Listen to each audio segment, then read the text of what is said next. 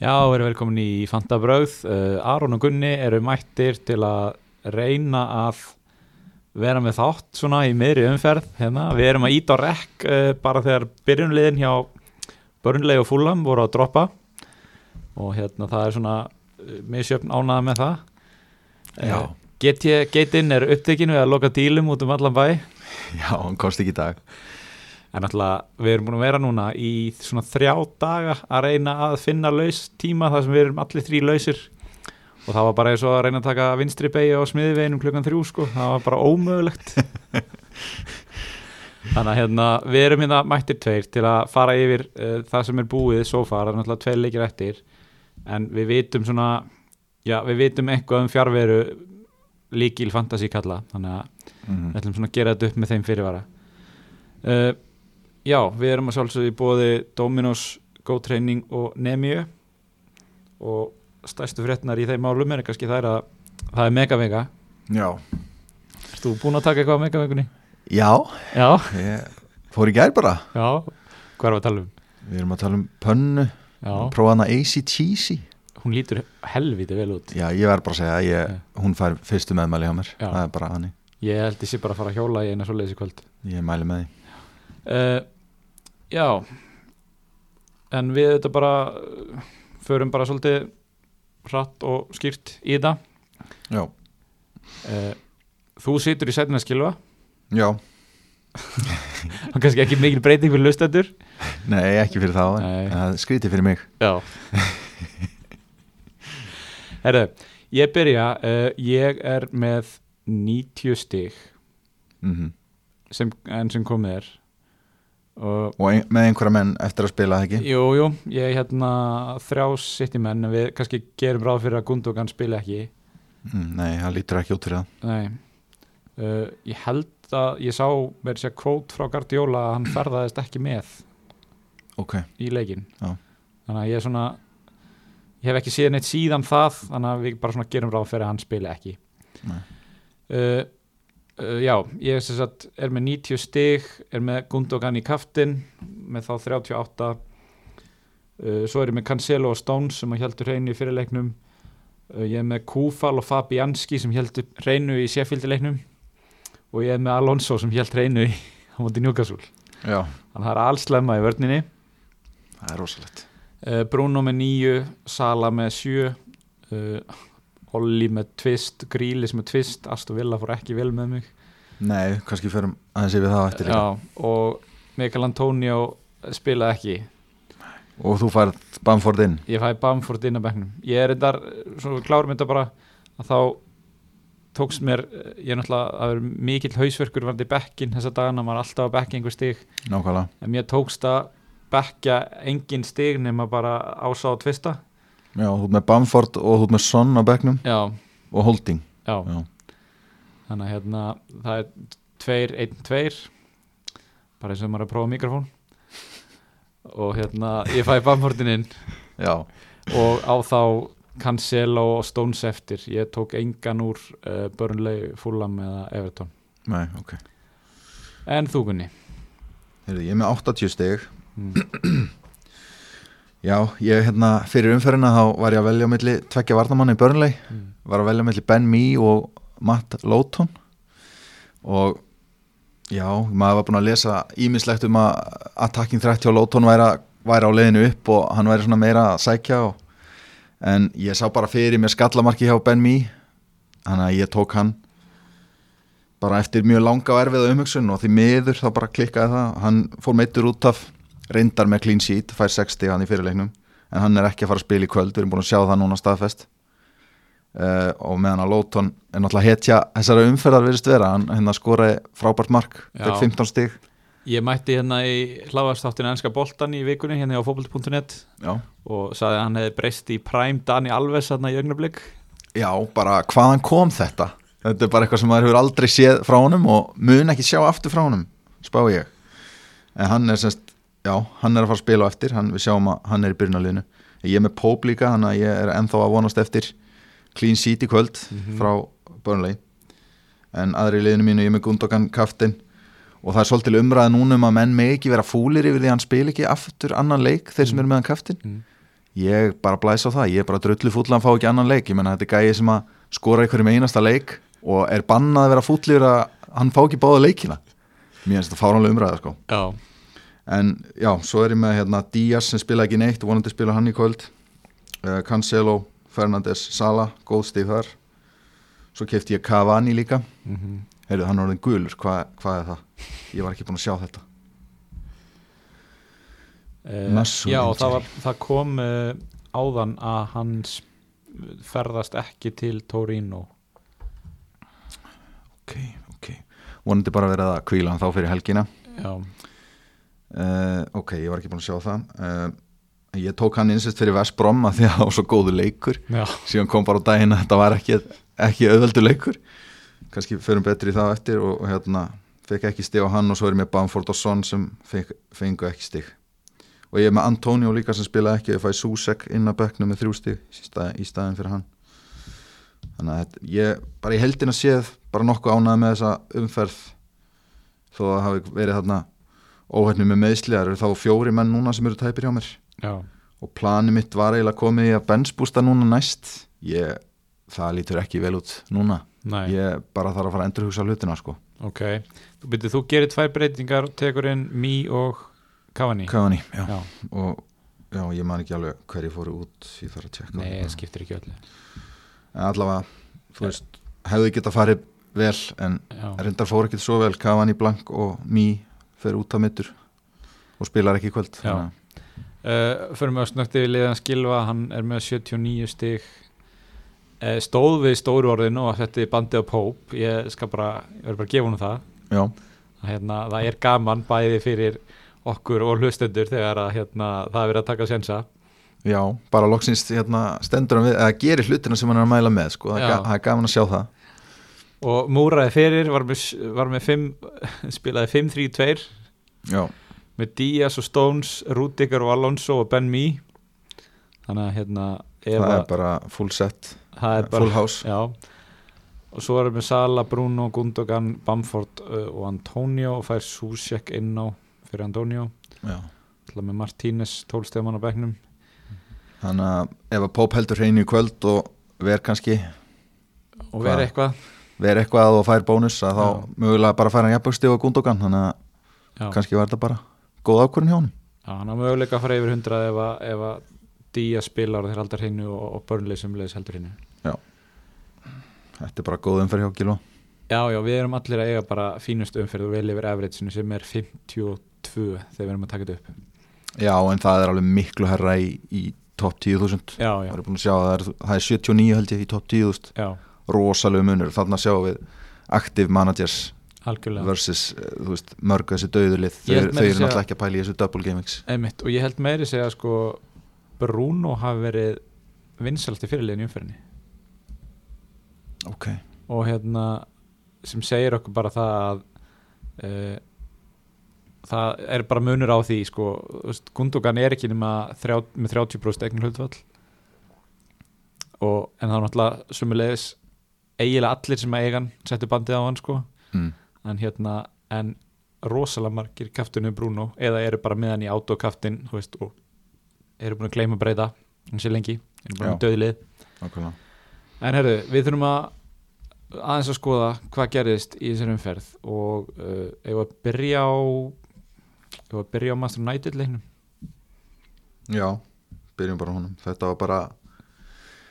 mjög erfiðu leiku fyrir United sko bara Vestbrom með sinn besta leik í einhver tíma, Já. bara eins og í hinu leiknum á móti United sem var á Old Trafford það var mjög erfiðu leikur sem að United vann 1-0 á Vítaspinu uh, Já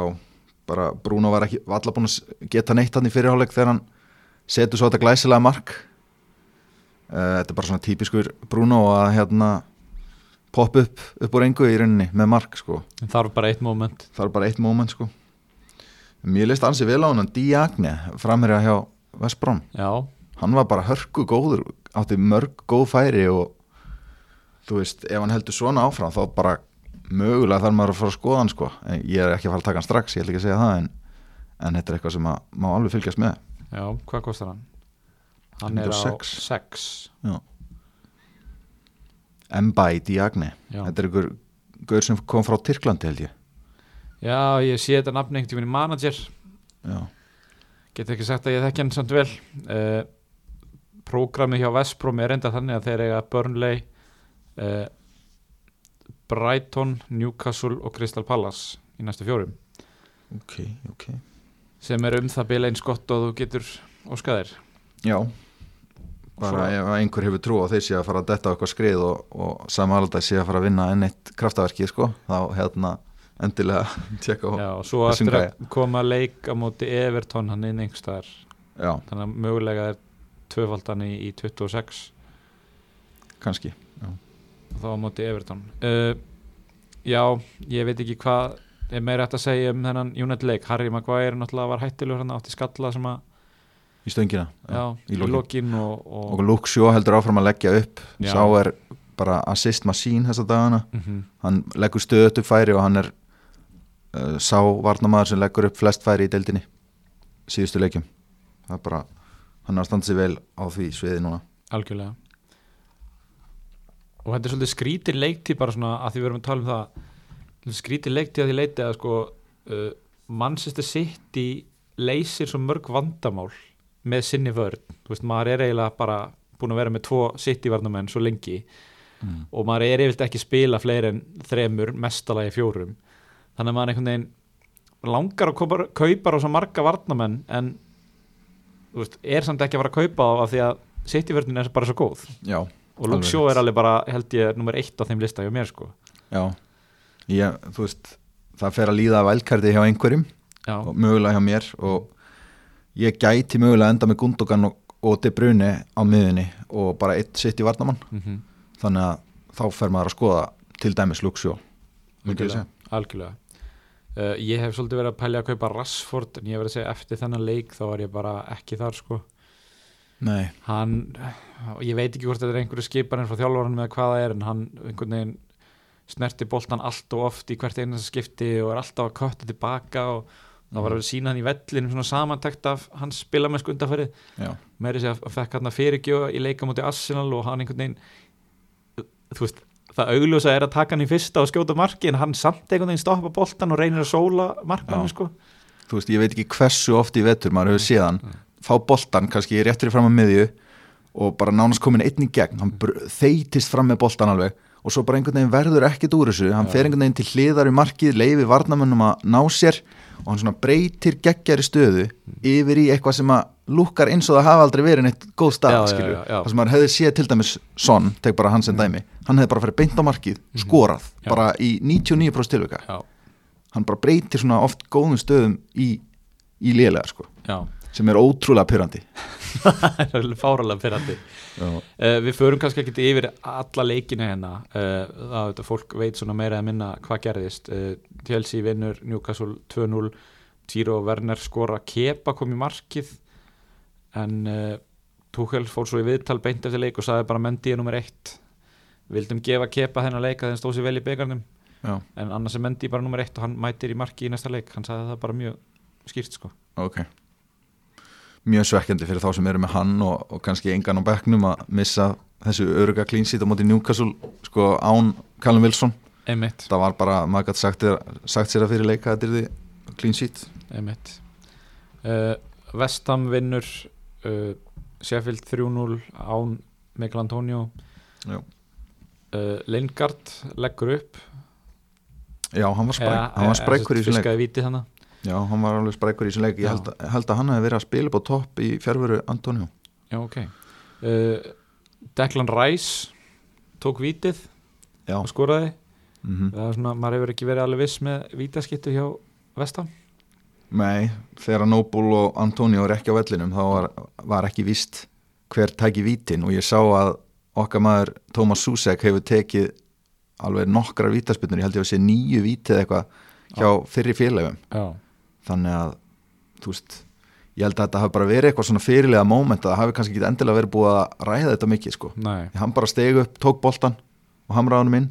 en svo sagði hann Móis eftir leik að, að hann væri ekki hugsaði sem vítaskitta hann ræst þannig að mögulega sjáum við eitthvað annað næst okay, okay. Kressvel leggur upp enn eitt markið og er með 12 stig tekur allan bónusinn, hann er komið með nýju stáðsendingar á leiktíðinni og Já. nýju clean sheet Þú veist, það er rosalegt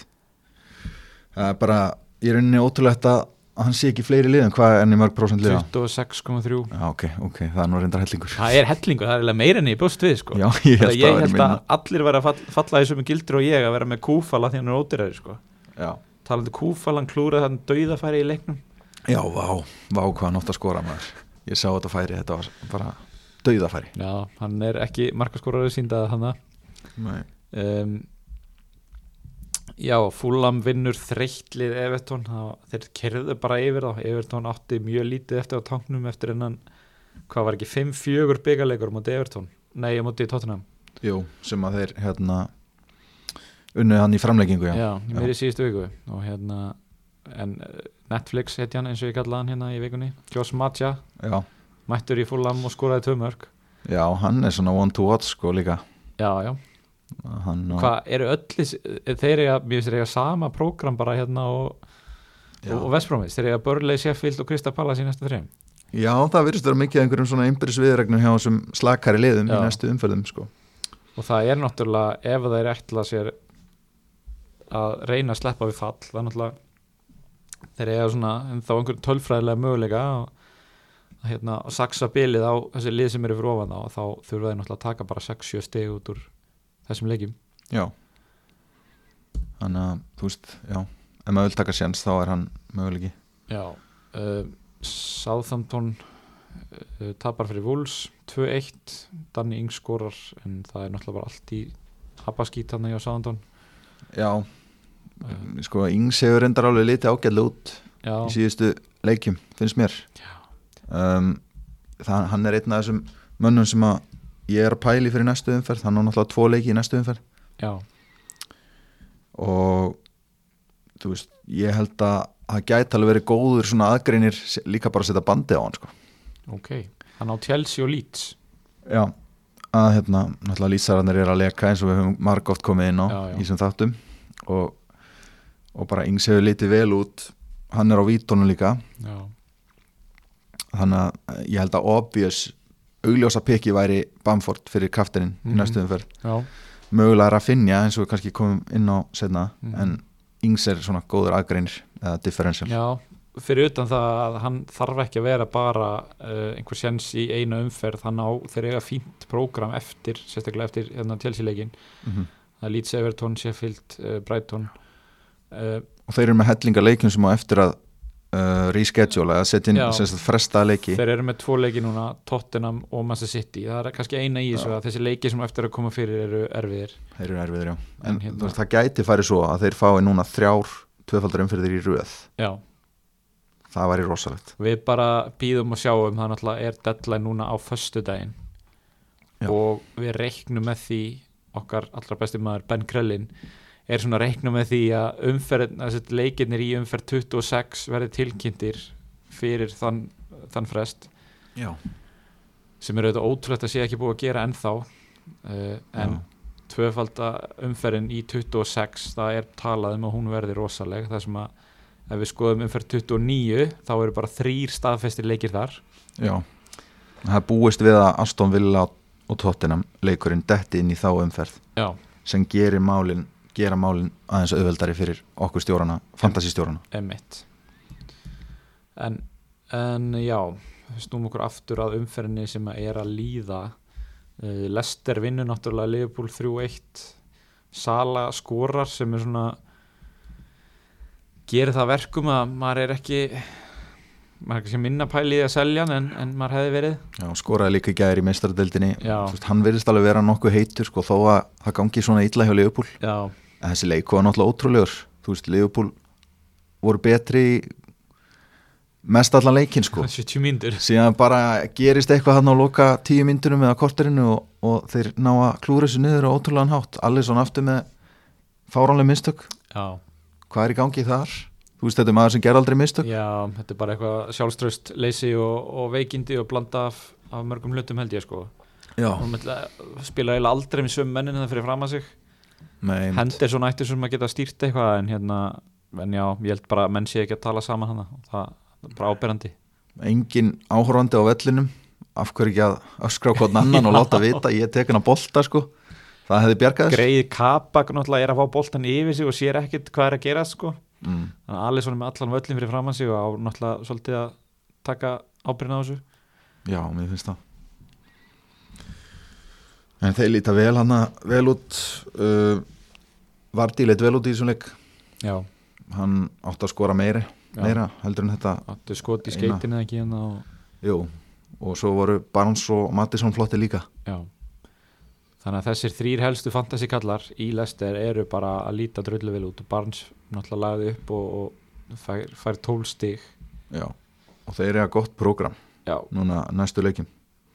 Reyga Þá- Astomilla, Arsenal, Brighton og Sheffield já, og þeir fá sennilega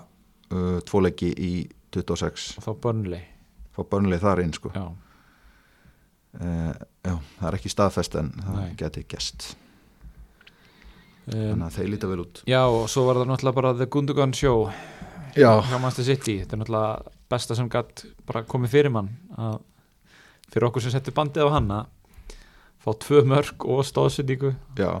náttúrulega þetta var geggjað sko hann tekur ekki víti sem þeir fá eh, aðalega að því að það var brotið á honum held ég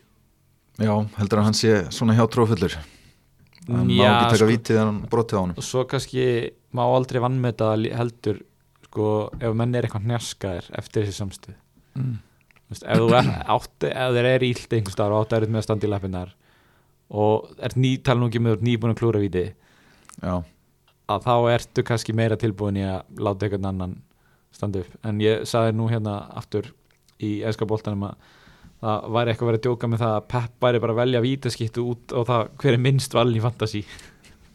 þess Já. að þeir Rodri farið á punktin það er náttúrulega fantasistjórar hata Gardióla og Já. þetta væri svona ennett vingill á það Já, en hann sagði að Rodri myndi ekki vera vítaskipta liðsins, myndi ekki taka næsta víti hann sagði það Þetta var ekki samfærandi víti á honum Nei, þetta var ansi tæft sko og hann er enn og aftur að íja því að Ederson sé að fara að taka víti hann er alltaf að gefa það í skín eftir hvert einasta leik þú veist, erum við að fara að sjá þetta Nei, ég held ekki Við værum búin Nei. að sjá þetta ef þetta ætti að gerast ég held það líka, en, en af hverju er hann svona mikil tíser, hann er alltaf að tala um þetta sko bara, Þetta er bara orðið eitthvað svona, þú veist, endalust tís, þetta er bara eitthvað svona friendzone dæmi, bara Ederson er bara í friendzone og það mun bara aldrei komast eitthvað næra það. já, hann skokkaði fram sko, Já, hann ætlaði bara að fara að taka þetta einmitt, svo kom einhver, minnum að það hafi verið Bernardo Silva sem Já. að kom til hans og sagði hann bara drulla sér tilbaka aftur og hann lítið því hann náttúrulega átti stóðsendingu þannig, er með, er með 12 stig eins og er, já, heyrðu, hann átti stóðsetningu, fyrstu stóðsetningu markmanns í, í, á þessu tímabili já, alltaf gaman að sjá þetta. já, þetta var, þetta var svona leið eitt þetta var svona ekki það sem við sjáum alltaf frá City Nei, hann bara bombaði fram og hann er náttúrulega rosalegu spynnumæður já, hvar ra- rankar hann svona á spynnumönum í deildinni? hvað rangaði hann? Já. bara, þú veist, Þú veist, bara eftir kefindi bróinu og trend eða eða eitthvað. En þú veist, já, hvernig metum maður spynnutakni? Við höfum náttúrulega ekki séðan taka einhverjar aukarspynnur eða neitt svoleiðis, Nei. en hann er allavega klálega einn svona högglengsti maðurinn í deildinni, sko. Já, og líka bara, þú veist, hann er bara, hann sendir bara boltan þangað til hann sem- þangað sem hann vill senda hann, sko. Já, bara einmitt, og það er ekkert margir sem geta það bara svona langar sendingar akkurat. Bara hann er einn af þessum sem bara hittir, við sjáum, sáum þetta frá trend reyndar meira á síðast tímubili, já, þú bomba þvertið við völlin beint á einhvern gæja sem er þar, sko. Mhm. En við höfum kannski séðan minna á þessu tímubili reyndar. já. hérna, já, Burnley vinnu Kristapalas 3-0 það er náttúrulega þú veist, Kristapalas geta bara minn en ekkert verið þess að Já, vera þessa ég dagana held klálega að þessi leikur segir meir um Krista Palas heldur en Burnley Já. myndi ég segja. bara Krista Palas eru gjörsanlega bara hættir verist vera, þeir hafa náttúrulega litla að spila þeir eru í þokkalegri stöðu í dildinni já, Svo þeir þeir gætu náttúrulega að fara að sofast niður í þetta ef þeir þurfa spila samt að svona passa sig sko ef þeir Já. eiga þessi fallið og, og, og ná ekki sigurum á móti þeim þá þurfa þeir bara að fara að passa sig sko Já. uh, Jair Rodríguez uh, Marko stóðsendingu hana uh, uh, Matthew Lóton Alves er með hérna þetta mark sitt og 15 stig og svo sjáum við hvað gerist núna í leiknum á eftir getum Mhm. við sem kíkt hérna á live score uh, en já þannig að Eh, þú veist, börnlega skor úr föstu leikadriðum er mesta svona nature is healing dæmi sem ég man eftir sko. mm -hmm. Þú veist, það er bara, hlut, núna eru hlutinir eins og þeir eiga að vera Nákvæmlega, þess vegna tók ég mý sko Já. maður var að vonast eftir þessu en já, þetta var, já, það var Rodríguez sko, já, sem skoraði hann eftir hot með skalla þannig að hérna, hann er að, þegar að Chris Wood er ekki með þá er hann að stimpla sig inn Já, uh, já, og svo er það var Emi Martínez í stöðu og fekk tólstig þegar að margir bekkiðan já þetta var náttúrulega alveg ótrúlegu leikur sko mm. hérna, maður bjóst svona fyrirfram kannski við jafnum og spennandi leik já, þetta var ekki jafn og spennandi leikur þó hann hafi farið 0-0 uh, XG var 2,59 fyrir Brighton 0,13 fyrir Villa já, og marktilunir 26-4 einmitt en Martínez held hreinu þetta er ótrúlegt sko, hann verðist bara að loka búrunum þegar hann vill já, hann gerir það og, en ég hef bara, þú veist maður er að fara að valdkarta fljótlega eins og ég sagði á hann já, Villa var klálega stort plan en þú veist, var að fara að spila stórt hlutverk í valdkartinu, maður er alltaf að taka Wa- Ollie Watkins og, og Grealish og, og halda Martínez Mhm. til dæmis eða taka target í vörnina eða eitthvað já, en bara bæði tölfræðin fram á við og í vörninni er bara búin að hrinja hjá þeim. mm Þeir eru bara, orðnir bara með lélustu tölfræði í deildinni fram á við í síðustu fjórum leikjum. já, Það er enda má ekki gleymast í þeirri umræði að, að þeir eru búin að eiga mjög erfitt prógram undarfærið já en þú veist þetta er eitthvað sem ég hef áhyggjur af sko. Ég er pínu samanlega sko, ég er náttúrulega er með Grílis og Olli og, og hérna þannig að þetta hefur ekki fara, verið að fara vel með mig svona, Nei, eða þú veist maður, maður, maður bara veit aldrei hvað maður fær frá þeim Þú veist, og hérna eiginlega besta, sko, nú er ég einn að fá um að landinu sem er ekki með Martínez uh, eiginlega ég ímynda mér að svona besta við stíin hans eru að þau eru svo fyrirsjónleg þau eru að koma akkurat í leikjunum þar sem að maður gerir ráð fyrir að hann haldi reynu Ertu ekki sammála mér í því eða? Hann er Mm. hinum líka Já, hann er- skilur á móti Arsenal um daginn ég Já. meina eins og ég fór yfir í þeim þætti og þá voru Arsenal með mjög góð stöts fram á við og, og vilja með léleg stöts a- hérna í vörninni mm -hmm. þannig að mér fannst það ekki beintur að fyrirsjáanlegt en Nei, nei. ég sammála er að þau koma líka í þessum fyrirsjáanlegri líkum Já. sko. á meðan að þú veist maður er einhvern veginn, ég er kannski meira að stóla á sóknastíðin í þessum eh, þú brætul séu þetta búið að múra fyrir undanfarið Já. að hérna þá gat ég var, var liðið mig þannig að ég vildi frekar bekkja aðra menn og var svo sem maður var bara á bleiku skíði þannig eftir, eftir þetta mannstu sitt í leikin og þannig að þetta dró maður svona aðeins nýra á jörðina þessi, þessi tvistar frá Olli og, og Grílis en og þeir voru bara aldrei nálagt sko. nei þannig að þannig að þeir þurfa að fara að sína eitthvað, eitthvað meira Já, uh, ef við ekki bara segja þetta gott úr þessari umferð það er auðvitað bara þessi þrenna frá Aubameyang kannski sem að er það eina sem er eftir það er að nefna það líka sko. já,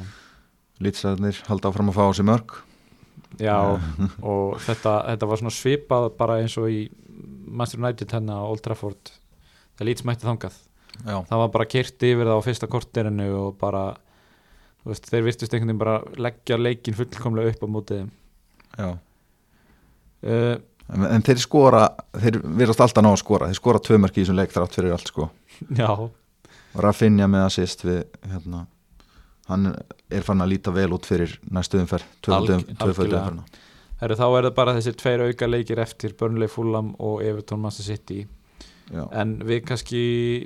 horfum bara núna fram á við uh, þú varst búin að tala um að þú og jafnvel við hinnir ættum að vældkarta núna fyrir komandi umverð já, og svo benchbústa í 26 og gera þetta svona af því að þú þetta mátt ekki nota vældkart og svo annað chip í sömu umferðinni já Ertu ennþá á því að þetta sé planið? Nei, eiginlega ekki sko Mm. en þú veist, þetta er ein leiðin sem að getur komið vel út Já, en allavega planið mitt hefur aðeins breyst og ég er eiginlega búin að s- snúa þessu við það er benspús núna í næstu Já, umferð Ah. Já, og svo vælkart fyrir 26 ok og ástæðan fyrir því er sko í, í, að leikirnir virðast ætla að falla þannig í, í leikviku 26 að, að stóru liðin eru öll með tvöfaldumferð mm uh, og mörg þeirra með mjög góða leiki og meðan þessi minnilið sem eru með ódreiri leikmenn eru annarkort ekki með tvöfaldauðumferð eða ekki jafn hagsta þú veist, með erfiðara leiki já, þannig að það er mjög erfitt að smíða gott bensbústlið já, já, já. af því að já, þessir ódreiri kostir er ekkert með það góða leiki en mér finnst það svona aðeins skára núna að hérna, eins og þú varst að tala um á þann að maður er búin að vera að bekkja stig alveg hægri vinstri undarfærið Mm -hmm. og bara nýta það að maður er með góða kosti á bekknum og bara klára þetta af já, kannski kaupin einn eða tvo góða ódýra í Sáhandon og Leeds já, og spila benspústunum núna en það er, þetta plan mitt er reyndar að fokkast upp að því ég er með fjóra gula leikmenn í, í liðinu mínu sko já, þannig að það er bara ég held að þetta gangi bara ekki upp núna er Cavani búin að bætast við ég er með Cavani, Antonio, Gundogan uh, Ben Mee já, og Díaz mögulega eitthvað tæpur hann ætti reyndar að vera áriðin góðu núna já, uh, já, það þarf allavega alltaf gangu upp til þess að ég benspústi eins og ég ætla að gera já. Ég hérna er, uh, það er auðvitað mjög erfitt að, að spá í þetta á meðan við erum ekki konni með leikina fyrir 26. Þannig að maður einhvern veginn getur ekki stilt nákvæmlega upp, eh, þú veist, Mhm. fram í tíman. Nákvæmlega. um, ég er búinn að gera eina breytingu fyrir næstu umferð ég uh, slefti transferi núna síðast þannig að ég á tvær og ég hugsa að ég sé að fara að gera sko þrjár, jafnvel fjórar ok, uh,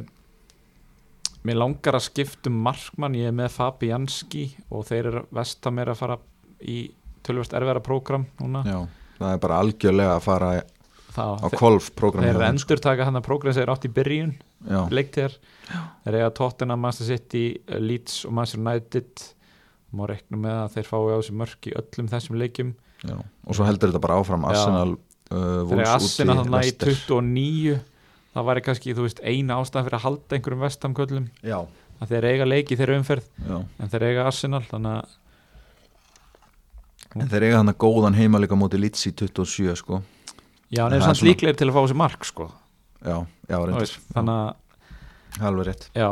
þannig að ég þarf að skipta um markmann og sömuleiðis er ég að kokka upp plan til að taka Harry Kane Já, Þannig að ég er búinn að selja Antonio sem að sendi inn þessa fallegu Valentínu svo kveðju á Twitter já Endilega tekja á því Já, Við fyrir ekki að tala um það hérna í, í þættinum nei ekki nema mjög fallega allavega uh, Já, þannig ég er búinn að selja Antonio og ég kefti besta vinn þinn, Brewster Já, endilega, keiptu hann Ánæði með þig hann var meiri sér búinn að lækka nýri í hérna 4,4 Ok, ok þannig að hann sparaði mér ennþá meiri pening en, en ég hafði vonast til Já, þú færð ekki mikið að stigum út úr húnum samt sko Nei, nei, en góðu frétnar eru þær að hann er ætlaður til að sitja á bekknum það sem eftir er leiktið er Já Og þá kannski hættir að bekki allir þessi stig Já, nákvæmlega Já. uh, Og þá er uh, setni helmingurinn að því plani er að selja Olli og kaupa Kane Já, ok Olli á núna Lester í næsta leik og svo Leeds þar á eftir og, og svo Wolves Newcastle og þeir eiga náttúrulega þrjá leiki inni þú veist, það er það eina í þessu mm en Það kemur einn af þeim inn í 26 Það Já. er bara 99,9% sko. já og þú heldur að það tóttinleikurinn fari svo í umferð 29 Já, það er það sem að Ben Krellin vinnur okkar tekja á hann á Twitter hann, hann heldur það Já, um, en ég er þá að þú veist, lýts áreindar geggja prógram framöndan eiginlega fram að umferð 31 þar sem það snýst mjög hratt við Já, þannig að, en þú veist maður þarf bara að velja að hafna í þessu lífi og ég held að eins og ég talaði um, þú veist stíginans Olli er einhvern veginn ekki fyrirsjónleg og mér langar að hafa Kane þeir eiga náttúrulega svolítið af leikjum inni líka mm og hann leit bara vel út þegar hann kom hann inn á móti Vesprum fyrir hann búist þar við já, og tóttinum álíka bara prógram fram að, endum, leik- fram að enda leiktíðar bara þannig að maður er eiginlega að fara að halda þessum köllum bara alveg þangað til mm þannig að hvað segir um þetta hjá mér? Ég er bara líst vel á þetta sko Já, Ég er, enda, já, ég er búin að þú veist, ég hugsa að framlýna mín ef ég vælkarta fyrir 26 eins og planið er núna þá held ég að það verði Bamford, Kane og Olli hjá mér sko frammi já, bara út af þessu að þá eftir Mhm, að endur að svo mörgu leikjum hjá Villa mm -hmm. og þeir eru að leiki 29 sem ekki mörg lið eiga um, þannig að já, ég hugsa að verði þannig ef ég velkarta en, en þetta meikar allt sens sem þú segir sko Já. bara, þú veist, Kane er lítur rosalega vel út mm -hmm. fyrir bara, já, næstu endalösu leikina Já, svolítið og mun eiga væntalega eitthvað af tvöföldum umferðum það er eiga náttúrulega þrjá leiki inni, þeir eiga Southampton, Aston Villa og Fulham, allt frekar djúsi leiki Nákvæmlega þannig að hérna, hann verður góður kaftin möguleiki í, í sínum tvöföldu umferðum, ég tala nú ekki um trippul kaftin, ef maður á það eftir Já, þannig að sammála já, uh, er þú veist, er ekki hægt að færa rauk fyrir því að Kane sé betra val heldur en Varti núndalega leit Varti líka vel út Já, og þú veist, prógramin hjá Lester er líka fínt sko já, en jú, ég held að maður myndi segja að Kane væri betra pick eins og er en það er einhverjum núti sem munu taka varti og gætu grætt á því Ég Já. ætla bara að segja það. ég held það líka um, já, ef við ekki bara fara í spurningar eða, Jú, kannski að nefna eitt bara með ykkar mann, ykkar gilva Já. Alonso, já, að það er svona meir og meira að fara að líti út eins og hans er pick nummer eitt af það já, í frekkar en tilvel þó ég myndi búast við að verða eitthvað rotation áfram en hann er fann að líta mjög vel út að, í síðustu fjóru leikjum er hann með átta skotin í teg sem er mest af öllum varnamönnum hann er með átján snertingar inn í teg sem er hæst af öllum varnamönnum og núna um helgina þá átti hann flest skot allra varnamanna sem voru fimm og það voru flest skots í þeim leik sem sagt Chelsea Newcastle já, það var Marcos Alonso sem átti flest skot í þeim leik ok þannig að þú veist, hann lítur mjög vel út þegar hann spilar en ég er ennþá á því að það sé áhætt að vera með hann því að út af tukkel rotation já, já, að hérna, hann er að ennþá að leita liðinu sínu og, og skiptir í mikið og núna náttúrulega meistardeldin líka komin inn í þetta algjörlega þannig að það voru meira rotera líka út af því En gaman að heyra þessu tölfræði, ég hérna vissi ekki af þessu, var bara ánæður með þessi sjö stig sem hann fekk og en þetta gerir það að verkum maður er kannski minna tilbúin til að losa sig við hann. já, Um, já, við uh, báðum um spurningar á Instagraminu okkar Fantabröð uh, með stöttum fyrirvara en eins og venjulega eru hlustundur fljótir að bregðast við. Sko, uh, á maður að taka Jóa Berg inn í liðið? sorry, ég held þú sést búin að missa lestinni með hann sko Já. ég held að það hefði verið góð differential að taka hann fyrir þessa tvöföldu umferð Já. og þú veist það kom á daginn, hann skoraði hann og, og er að fara að spila aftur núna um, hann á reynda Vespróm í næsta leik þannig að ef að planið er að vældkarta fljótlega Mhm. þá gæti maður tekið svona short term uh, áhættu, Já, tekið hann inn hvað hérna... það er líka sérstaklega gaman að vera með Íslendinga það er alltaf gekkja gaman sko Já, það er nefnilega alltaf mjög gaman en ég held kannski svona allavega fyrir næstu umferð þá er maður meira að pæla í Rafinha eða Jack Harrison jafnvel Já, klálega og hérna og, og Jói bara er náttúrulega geggjaður en hann hefur hann á kannski ekki eitthvað frábært markar okkar rekord svona í gegnum tíðina Nei, og eins og við sögum að þessi leikur sagði kannski meira um Palas heldur en Burnley og, og svo framvegis þannig að hérna ætla að kíkja á uh, leikina sem þeir Burnley eiga framöndan það er uh, náttúrulega Fulham núna á eftir og svo Vestbrom og svo Tottenham Arsenal Everton þannig að frammeldi að gera nei, ég myndi ekki taka nei Herðu, hann hérna, Bjarni er mikið að spurja um uh, heldarstíin okkar og ég skal alveg gefa upp mín, ég er með 1370 stig í heldina og er í rank overall 1,3 miljónir Já, þú ert búin að príla þá verulega þú varst í Ég var í 1,6 eða 1,7 já. Þetta er nú, Býtu, er, þetta, er þessi stíðafjöldi þá fyrir leikina núna á miðvikudagskvöldi? já Já. Ok. Hefur þú áhuga á að gefa upp þín heldarstíð? Já, ég- maður sjá, hvað er það? 1594, nei, 1504 1504, ég ætla að gefa mér einn 90 stíðan og rangi er 161.000 Já Og svo förum við í stigin að skilfa Það eru 1487 Og hann er í overall rank 236.000 Já. Þetta er alltaf uppleið hjá okkur, Já. öllum, bara öllum þremur. uh, Bjarni spyrir sömulegis Verður Gundogan heitur þegar að Kevin mætir aftur að stjórna umferðinni?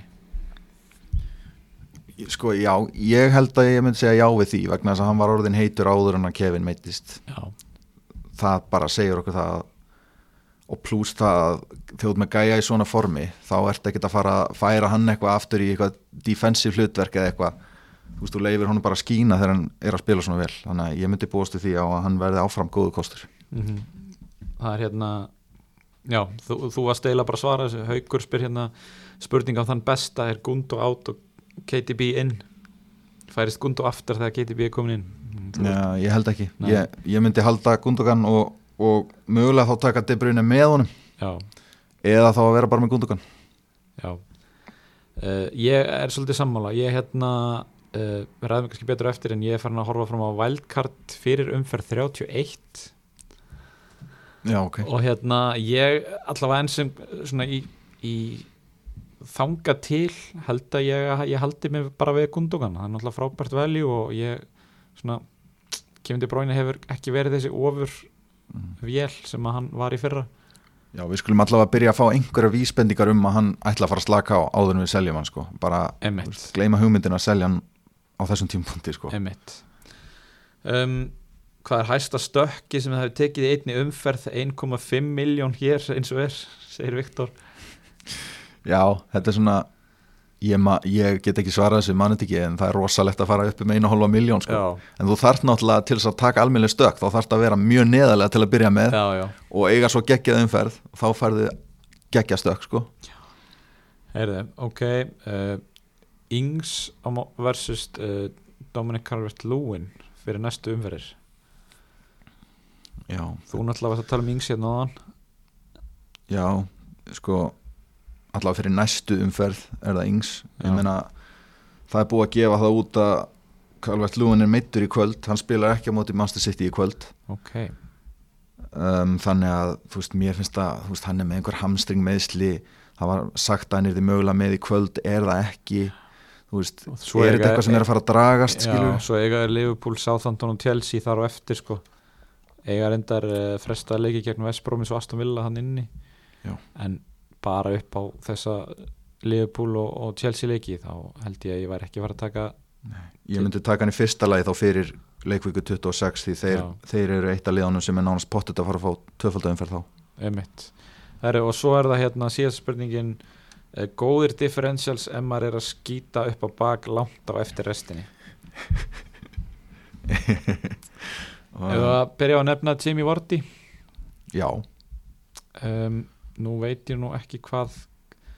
í hversu mörgum liðum hann er og við ætlum að skoða það hann er í 16,5% liða og öruglega stór hluti döður, já, alveg mjög stór hluti já, þannig að hann er góðu differential og sömulegis þegar að Kevin De Bruyne kemur, mm taka hann bara strax já það er ekki margir sem munu gera það, nei. það er líka góðu differential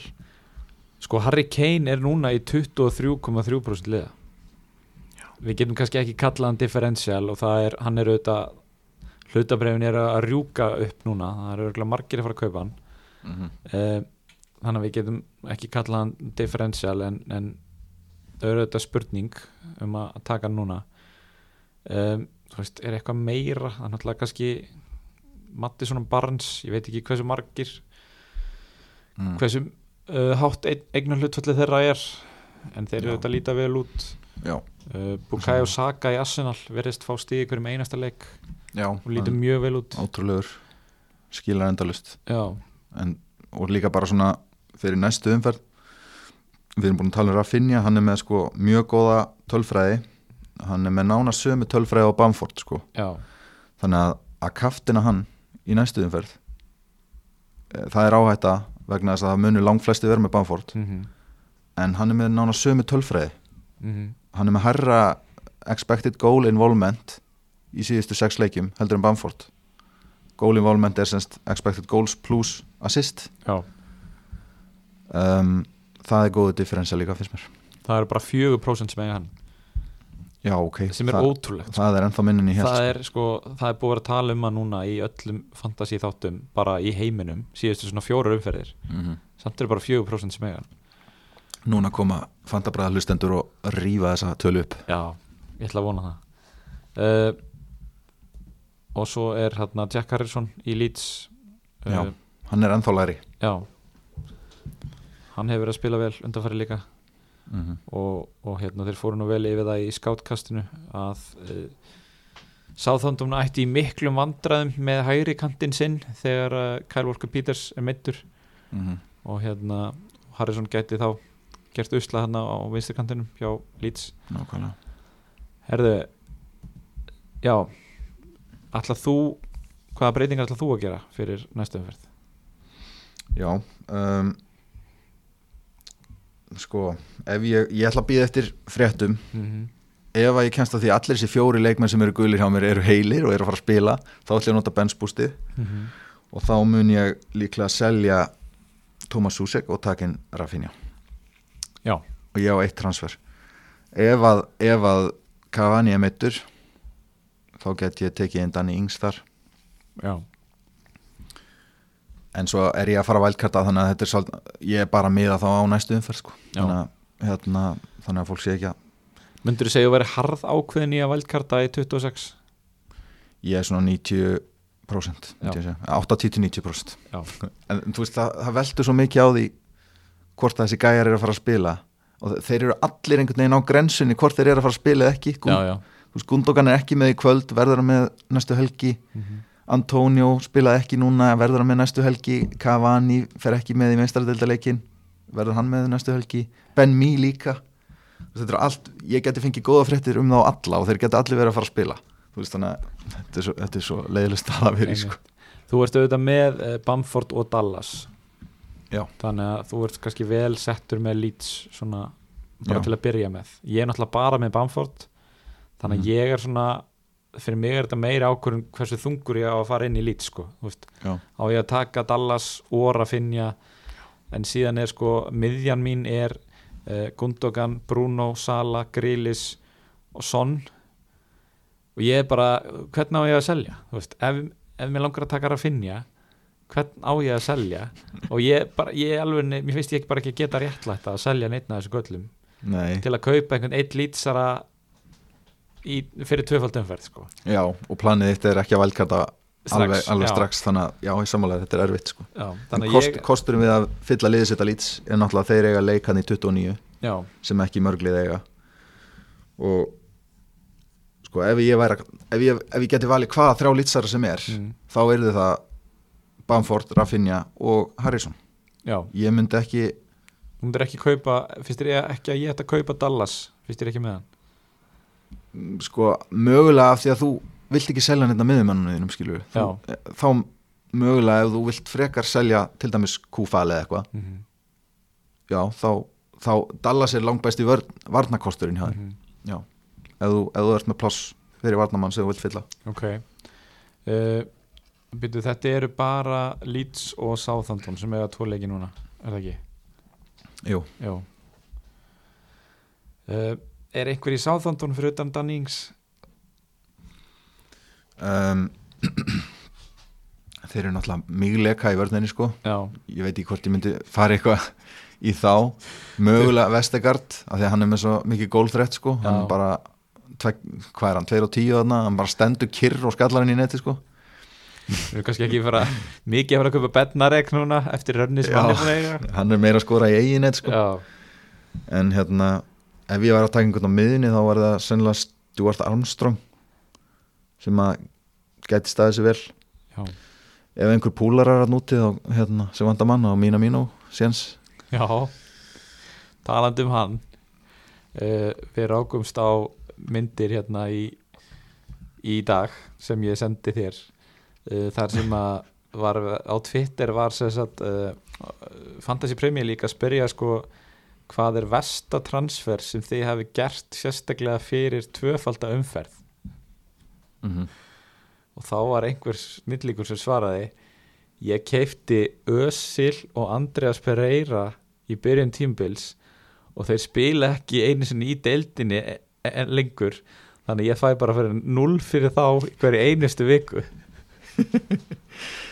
Já, það, það þarf aðeins að kenna þessum hvernig leikurinn virkar sko. Já, og þá er einhver sem segir uh, þú veist að þú getur skipt leikmönum út og gert transfer og hans barni Kúp þessi, við erum með bara nafngreinað hennan Jólasvein, þetta er eiginlega skúrkasaga ársins hann segir eh, þú veist, nah for real I thought that you had to stay with the same team for the whole season já, og þá kemur heil í ljós að hann er með sko Benteke í kaftin og búin að vera með það allan all tímbili þannig að sko ég veit eða ekki hvar maður á að byrja við erum bara að lesa upp hérna liðið hann er með sko, er það ekki Kepa í markinu já, hann hefur fagnat um helgina þá hann já, fekk clean seat og Kepa í væskaftin greinlega uh,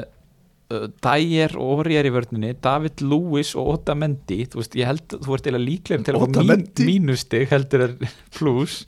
þannig að hann er með Andrés Pereira Mina Mino, einmitt já, Ösil og reyndar Jesse Lingard á miðinni þannig að það fara að dettin einhver ok, þetta hefur samt verið ömulegt pikk alveg hangað til bara síðustu tvær vikur sko. spilaði ekki mínútu þangur til núna fyrir um daginn og svo er hann með uh, Ben Teke og Joe Linton frammi sko, er þessi gæði ekki bara að reyna að gera lélegt lið eða? það lítur að vera þetta er bara, þetta er ömulegt lið já, og liðið heitir Beast FC þannig að hérna, ef þið rekist á þetta þá bara, við þurfum eiginlega að komast að því betur bara, hvort þetta er ekki bara eitthvað djók þetta lítur eiginlega að vera djóks Já. en þú veist, hvern, um hvað myndist leikurinn snúast þú bara velur þér lið einhvern tímun í ágúst og fær svo ekkert að breyta því þú veist, um hvað snýst þá leikurinn Það eru hjammi þegar hann kom til okkar þá fór hann yfir það að hann, þegar hann var að velja í liðið sitt hérna 90 eitthvað þá valdi hann í bara liðið og- og sendi það út í pósti og svo gast ekkert breytt og þá var bara að fara yfir stöðuna eftir leiktíðina ok, þannig að þessi greinlega er greinlega spilit ennþá frá hérna brefdúðu tímanum og bara skrifa þetta á A4-blad bara með penna og, Já, já. og bara í postkort Já, og já, bara skrifaði bara fantasy á, á umslæðið og Já. setja í post gjör svo vel En já, uh, það er spurning hvað við hérna, getum farið meira yfir Ég myndist á það hérna áðan að ég var að hugsa um að vældkarta í umferð 31 mm Akkur er 31 frekar en 30 Uh, ég er svona ég, ég vildi óska þess að ég væri búin að vinna heimavinna mér betur og geti talið upp liðin og fixturesvingin hérna sem er að fara að eiga sér stað mm. en uh, ég er búin að rekast á að það er nokkur lið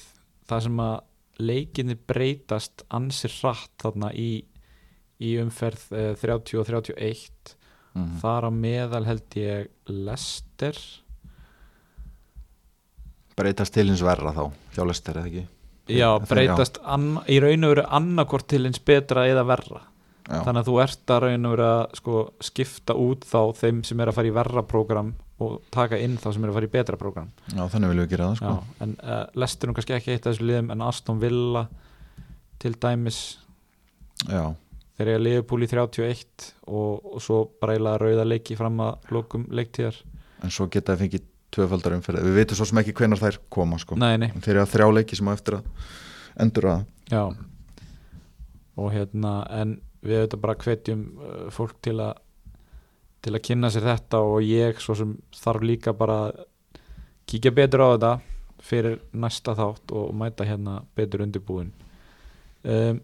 er eitthvað meira þú veist, við náttúrulega getum voða lítið farið yfir þetta á meðan við vitum ekki umferð 26 Mhm. En ég er bara kannski að segja líka að, Þú veist þessi leið sem þú ætlar að fara að vælkarta eftir umferð 29 Já, hún er góð að því leitið að þá getur þú bara þú veist, þá lætur þú bara transferiðin snúast um það að kaupa menn sem eiga í leiki umferð 29 sem er ekkit það mörglið, það eru áttalið virðist vera já, og síðan bara valdkartar þið út frá því liði þetta, þetta kallast dead end your team sko, Þetta- á fræðimáli Já, ég geggja, ég fíla þegar það kemur einhver svona fræði heiti yfir, yfir það. Af því, þú veist, þá er ég líka komin það stutt frá lokum leiktjörnar ég get einbytt mér bara á að setja upp liðið sem ég ætla að hafa fram að, henn, fram að þeim Já. þannig að hérna og uh, ég kannski er mestmægnis að hugsa þetta líka út frá því að ég á fríhittið eftir þannig að ég get alltaf gripið til þess í um umfyrir 29 já, já. ef að liðið verður ekki nógu stert þar þá ertu náttúrulega bara mjög vel settur sko, Já. þá, þá þarfst ekki að pæli rauninni í að kaupa leikmenn Já. úr, úr liðum sem eiga leik þá og ég er þá frekar að hugsa um að taka núna fyrir 26 við þur- þurfum svo sem að sjá um hvað, hvaða leikir, leikir koma en ég er þá frekar að hugsa um að ta- jafnvel bara keira í mínus 8 og taka Kane og, og Dallas og, og nýja Markmann og hérna og uh, taka þá bara mínus 8 frekar en að vera þú veist, eða vældkartin í eitthvað þegar ég er sáttu með restin af liðinu og, og er ekki að gera það margar breytingar sko. Já, er það að tala um þá fyrir Game Week 29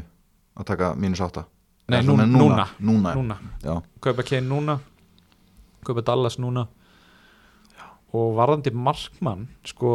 ég var búinn að tala um það að ég ætla að kaupa Martínez Lóksæðis en ég er samt bara eitthvað ekki spenntu fyrir því sko talandi um þess að lélugu vartantölfræði Mm. og, og hérna ég væri þú veist, þá að kaupa hann short turn Já. fram að umferð 31 vitum ekki hva- hvar þessar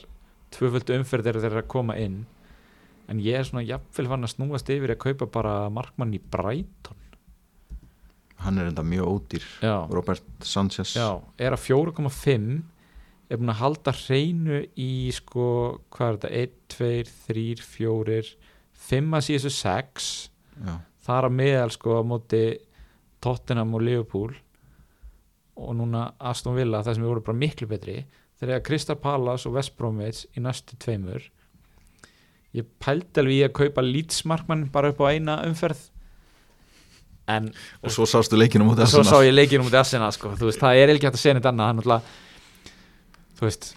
hann er ekkit endilega lélegur, hann er bara beðin um að spila svona og gerir það bara mm. og fær bara að gera sín mistök uh, það er bara það er ekki hægt að kaupa markmann sem, að, sem Nei. að liðið er að spila svona suicide bolta hana tilbaka til sko En hvað finnst þér um það að kaupa Sanchez? Mér finnst það bara góð hugmynd og þú veist, ef að ég er að fara að vælkerta núna eftir næstu umferða þá, þá verður pottet Brighton markmaður eða, eða varnamaður í liðinu sko. Já, Þeir eru bara mjög góðir góða tölfræði Mhm. og fínt prógram algjörlega þannig að, já lístu vel á það En uh, sko, það er náttúrulega er búið að vera mjög mikil umræði um það að selja sal og sérstaklega fyrir fólk sem er að taka wildcard að reyna að losa eitthvað pening Já kannski að skoða prógramið hans áður maður silur hann sko Já, því það er gott það er styrla sko það er Everton sem heldur ekki hreinu Sheffield, Fulham og Wolves Já. ég er sem ekkert með það alveg 100% á hreinu þú veist, hvort Leifupúli hefur verið að ganga illa á móti þessum liðum en þetta eru samt bara köld lið kannski Já. fyrir utan Fulham ég er alltaf að vera meira og meira Fulham aður Já þeir, svona, allavega mú- núna móti Evertón voru Já. mjög góðir og litu vel út sko já, en bara, þú veist, Sala er náttúrulega dýrasti maðurinn í leiknum já, kostar hvað, 12,3 ára eða eitthvað já kíkjum á Eða meira. örsnögt, 12.6 12,6, já nákvæmlega þannig að þú veist, það er hægt að gera helling fyrir hennan pening Mhm. og hérna, þú getur jafnvel keift, þú getur uppgreita kannski einhverja 5-6 leikminn í liðinu þínu ef Já, þú já. selur hann þannig að þú veist, það verður að taka það líka að þú getur alveg grætt á því en það þarf bara, þú veist, þetta er bara mikil sjens mm -hmm. mikil áhætta því að hann er svo mik- highly owned, sko, það er svo margi með hann og þú tapar svo mikil á því ef þetta klikkar sko. þannig að það er mikil áhætta Bruno, er maður að fara að selja hann? Nei, nei ekki ég allavega það er eiginlega ekki hægt Þú veist, Nei. meiri sé að þegar það er ömulega leika eins og núna á móti Ves- Vestbróma þá poppar hann upp með nýju stegi sko. mm Nákvæmlega þannig að já en uh, Já, kannski dómarinn þurfa að fara að gefa okkur víti aftur sko Þetta gengur ekki lengur sko bara, já, þjálfara annar að liða að leggja mikla ásla á að tala um hvað United fær dómara með sér og það virðist vera að virka hjá hann þetta er ótrúlegt hvað það verðist að hafa mikil áhrif Já, ég, mér finnst það bara klálega að vera að hafa áhrif, þú veist, þessi Já. 50-50 dómar já, sem að duttu oftar með United en ekki, mm. þeir eru bara akkurat öfugt núna, ekki að þetta með United já. og það er ekkit annað en umræðan sem hefur skapað þetta umhverfi, held ég Og það kom einhver uh, samantækt á vísi núna um daginn þar sem að var að fara yfir að United hefur fengið mest af top 6 liðunum þessum, þessum hefðbunni top 6 við tölum alltaf um mm -hmm. þeir hafa fengið flestar var ákvarðanir með sér í hag sérst, sjösinnum hefur var snúið ákvarðan við þannig að hún sé þeim í hag en það er, virðist eitthvað vera að taka það saman núna Já, það er bara á að, á að snúa þessari tölfræði við og Já. það er verið aktíft að vinna í því en ég það fyrirlið fyrir næstu umferð er það Bamford hjá þér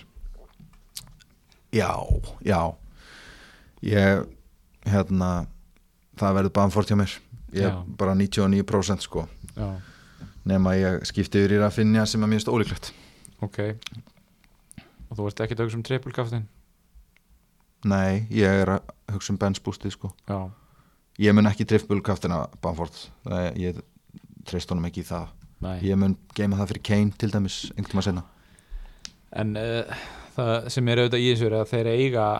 Wolves og Southampton svona eh, lið sem að þeir eiga að geta skorað slatta mörgum á og Bamford er auðvitað hann er með 54% eignarhlutvall þannig að og verður ég held að við getum bara slegið það að hann verður langvinsalast í fyrirliðin Já, þannig að það er auðvitað já þetta er ákvörðin sem þarf að taka ég, hann verður klárlega fyrirlið hjá mér allavega